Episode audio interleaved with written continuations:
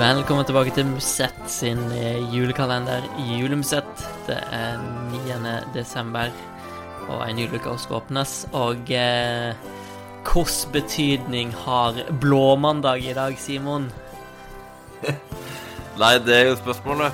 Uh, jeg vet ikke akkurat nå, for uh, i dag, altså 1. desember, uh, er jo ikke den dagen som denne podkasten slippes på, for det er 9. desember, dagen etter cupfinalen. Så enten så er jeg veldig, veldig glad, eh, eller så er jeg ganske eh, misfornøyd. Så jeg håper at jeg er veldig, veldig glad. Og hvordan, eh, hvis jeg spør deg, Simon, hvordan var det å vinne cupfinalen i går? Ja, helt magisk. Det var beste kamp Eller ja, det var stemningen, atmosfæren ja, Helt Nei, nydelig. Mm, ja, Topp tre fotballopplevelser. Ja.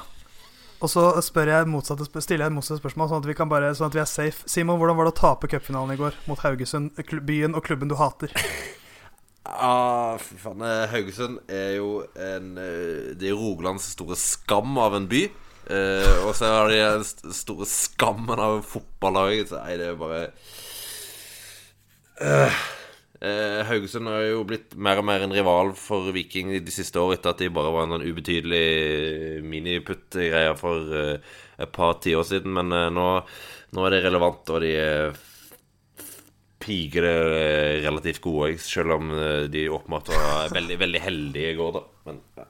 Ja, det var surt, det var surt selvfølgelig, så neste år kanskje. Den er god. Da Nei, Skal vi åpne noe luke, Ja. eller? Jeg tenker det.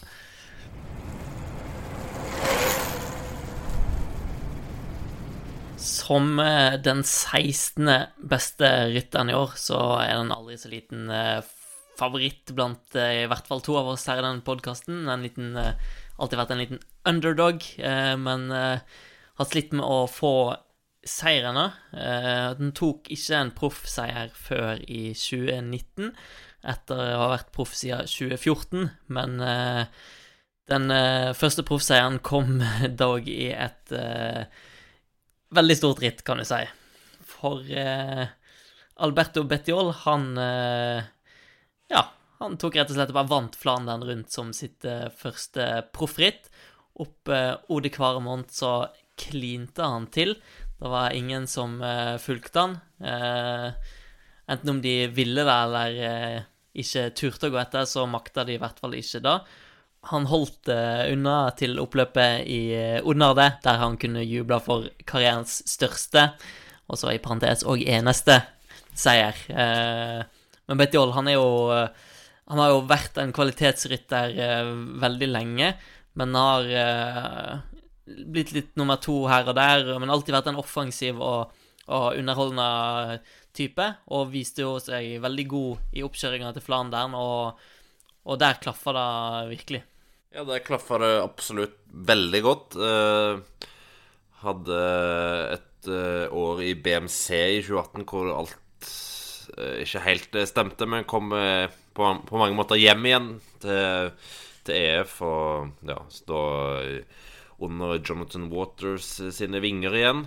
Eh, og hadde en veldig, veldig god vårsesong, egentlig. Eh, begynte i Treno Adriatico, hvor han eh, kjørte inn et par gode etapperesultater, og så var han jo òg blant de aller, aller beste i eh, E3.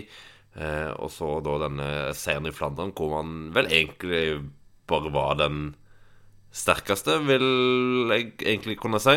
Eh, så imponerende. Eh, og måten han ganske greit holdt unna for eh, gruppa bak når de ja, klarte å samle seg etter Paterberg, og da hadde jo en del kilometer på kunne hente han inn, men Bettiol var egentlig, egentlig aldri trua.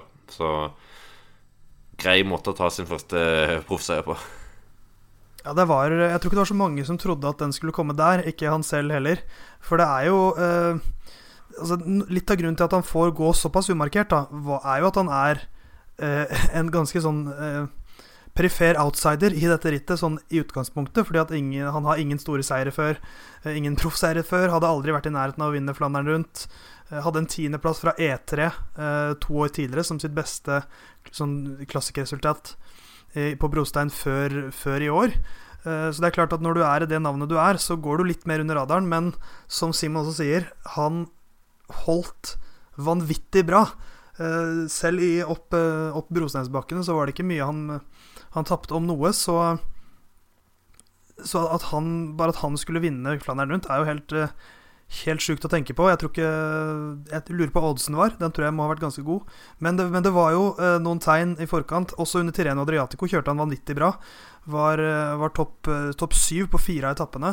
Uh, eller inkludert da en lagtempo, så den kan vi kanskje ikke vektlegge så mye. Men han var nummer to på en individuell tempo, så den kan vi jo legge masse vekt på. Det tyder på at kjørestyrken er der.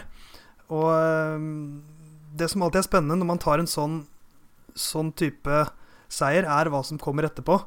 Så hva han får til i den våren som kommer i 2020, det blir veldig spennende. Da vil han ikke være en like stor underdog, og mer et navn som folk nevner. Men, eh, men han viste jo en kjørestyrke der som eh, er verdt ganske mye på brostein.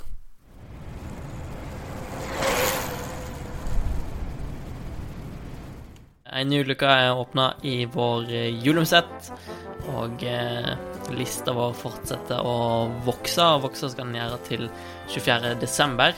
Men vi håper òg eh, du vil delta og engasjere deg med dine lister. For du kan dele din topp tre-liste av beste kvinne- og herreryttere i 2018. Så er 2019 så er du med i trekningen av ei Bioracer Tempest korterma sykkeltrøye til verdi av 1600 kroner. Så delta der ved å sende inn de lister på Facebook, Twitter eller e-post. Post at procycling.no der. Og så er du med i trekninga. Så er vi straks tilbake med ei ny luke i vår podkast-julekalender.